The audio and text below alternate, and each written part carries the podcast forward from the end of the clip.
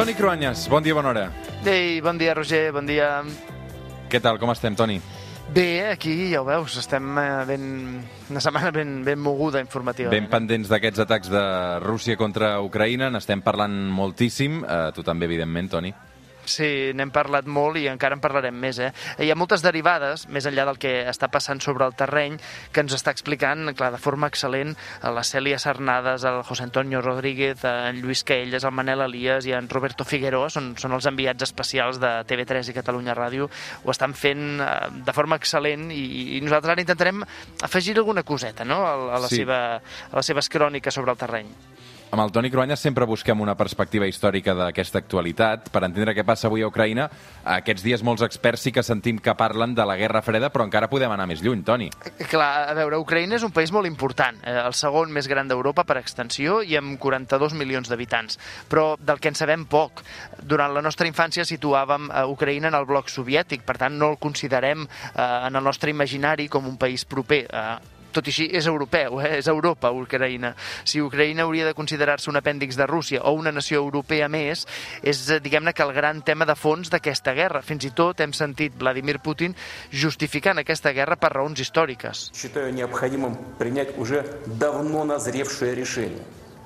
el que deia aquí Putin és que Ucraïna no és un país veí de Rússia, sinó que és una part indestriable de la cultura russa. I aquí els analistes, Toni, creuen que Putin el que està intentant fer és reescriure la història.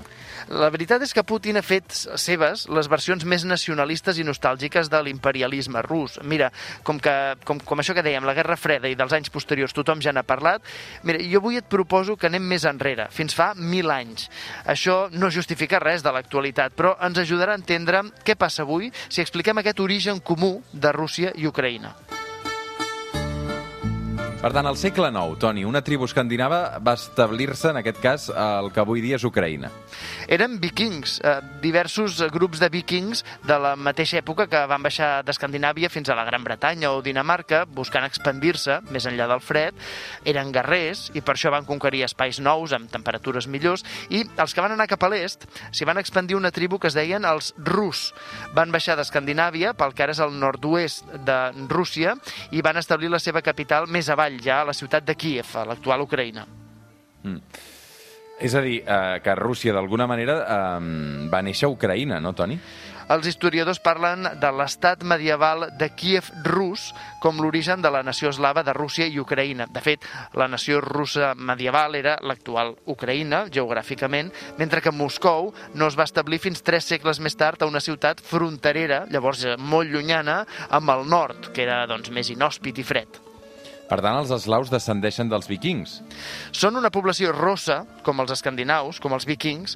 Pensa que des d'Ucraïna cap enllà la majoria de la població té faccions pròpies dels asiàtics, cares més rodones, cabells negres. Del nom rus de la tribu vikinga en va derivar el nom de Rússia, com a terra del rus. Qui va acabar de definir el caràcter eslau va ser també el primer rei rus de Kíev, Vladimir I, l'any 988. Com totes les tribus vikingues, tenien molta força física, tenien molta capacitat de combat, però eren pobles primitius. El rei Vladimir, quan va establir el seu regne a Kíev, va enviar els seus homes de confiança a estudiar les grans religions de l'època per triar-ne una i fer-se la pròpia. La llegenda diu que un cop explicades cadascuna de les grans religions, al rei Vladimir li va agradar molt la musulmana, pel que dèiem, per la seva filosofia, però que quan li van dir que l'islam prohibia l'alcohol, va acabar decidint-se pel cristianisme ortodox. I aquest gran estat medieval, Toni, amb capital a Kiev, anava des de Finlàndia fins a Polònia i al mar Caspi. Quan es va començar a trencar en diversos països?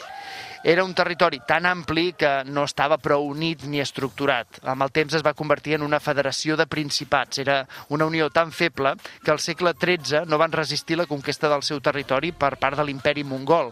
El seu líder, el Genghis Khan, va expandir-se per tot Àsia gairebé i va arribar fins a les portes d'Europa. Allò va significar la fi de la Rus medieval. I quan els mongols van afablir-se, al cap d'un segle, finals del segle XIV, d'allà ja en van sortir estats separats. El Gran Principat de Moscou seria l'actual Rússia, el Gran Ducat de Lituània, que s'aliaria amb Polònia per dominar el territori de l'actual Ucraïna, i Ucraïna, en els segles XV i XVI, va ser un batibull, va ser molt inestable. I aquí és on apareix Ucraïna, que ha traduït, eh, crec que vol dir terra de frontera, precisament, no? Eh, clar, té molt sentit que sigui així, perquè era frontera per tota la resta de veïns, era frontera pels asiàtics, era frontera pels europeus, de fet, encara avui ho és. Eh, en aquells segles, Ucraïna va estar dominada pels dos imperis veïns que es disputaven territoris, l'imperi rus, que era el que naixeria del Principat de Moscou, i després l'imperi austro-húngar. A més, pots afegir-hi, si vols, aquí més eh, complicat encara, les guerres de religió entre els cristians ortodoxos russos i els catòlics de Polònia. Tot això fins a la Primera Guerra Mundial i la Revolució Russa. Aquesta setmana eh, Putin ha dit que Ucraïna va trobar l'estabilitat gràcies precisament a la Unió Soviètica, ara en sentim l'himne, i que Rússia va cedir territoris a Ucraïna entenent que era un país germà. A veure, en això Putin té una mica de raó. La península de Crimea, per exemple, va ser una cessió de Moscou a Ucraïna, però també és veritat que el Partit Comunista de la Unió Soviètica va crear moltes divisions dins d'Ucraïna i també eh, se li atribueix molta fam eh, molta fam per, per tots els seus programes agrícoles, eh, imposats des de Moscou directament a Ucraïna. El record dels ucraïnesos sobre la URSS no és tan romàntic com el que Putin i els nostàlgics russos ens volen fer creure.